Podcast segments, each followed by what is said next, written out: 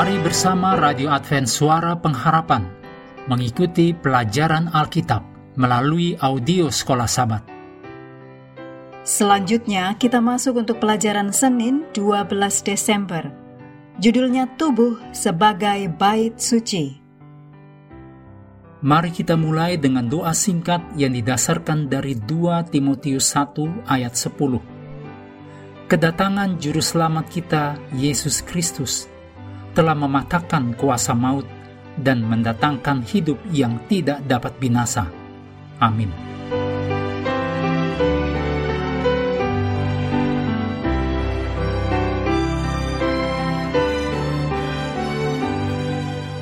Teori dualistik, maksudnya teori yang bertolak belakang, mengenai tubuh yang fana atau yang dapat mati, tapi dengan jiwa yang kekal atau tidak dapat mati, telah melahirkan berbagai teori tentang tubuh manusia.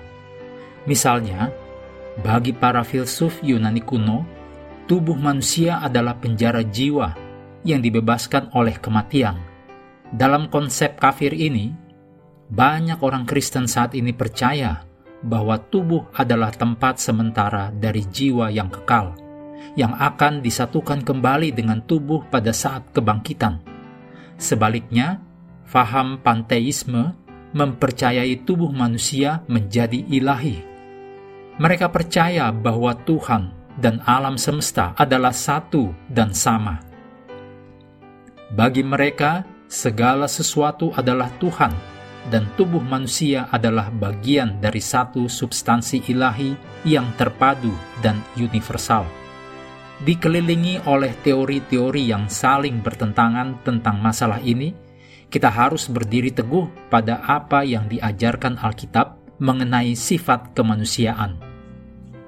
1 Korintus 6 ayat 19 dan 20 dan juga 1 Korintus 10 ayat 31 dengan jelas menjelaskan pemahaman bahwa tubuh kita adalah bait Allah dan bait Roh Kudus.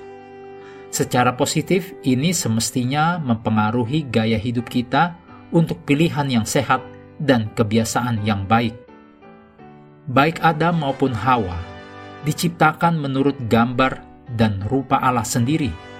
Demikian ditulis dalam Kejadian 1 ayat 26 dan 27 yang tercermin tidak hanya dalam karakter mereka, tetapi juga dalam aspek fisik mereka. Karena citra atau gambar itu telah dirusak dan bahkan tertutupi oleh kehadiran dosa, pekerjaan penebusan adalah mengembalikan manusia ke kondisi semula, termasuk kesehatan fisiknya, sampai pada tingkat yang memungkinkan bagi makhluk-makhluk yang tidak dapat mengambil bagian dari pohon kehidupan.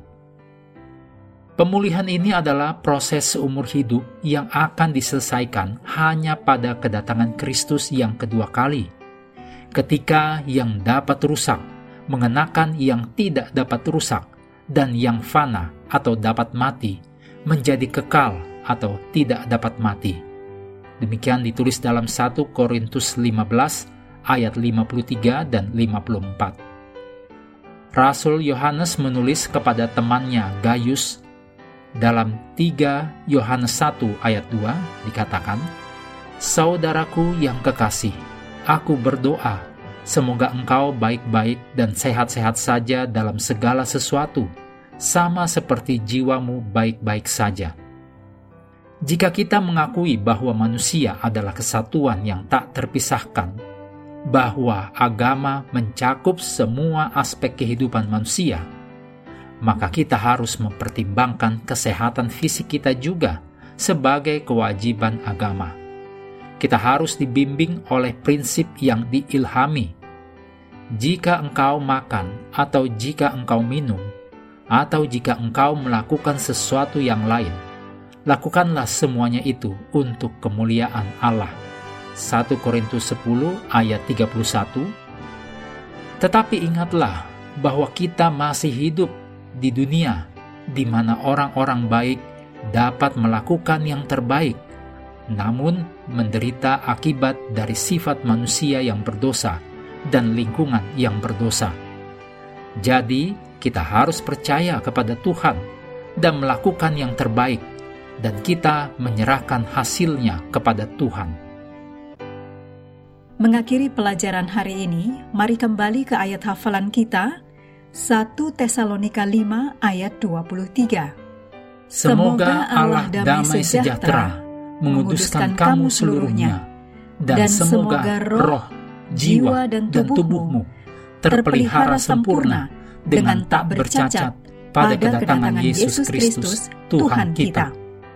Kami terus mendorong Anda untuk mengambil waktu bersekutu dengan Tuhan setiap hari bersama dengan seluruh anggota keluarga, baik melalui renungan harian, pelajaran sekolah sahabat, juga bacaan Alkitab sedunia, percayalah kepada nabi-nabinya, yang untuk hari ini melanjutkan dari dua Raja-Raja pasal 20. Tuhan memberkati kita semua.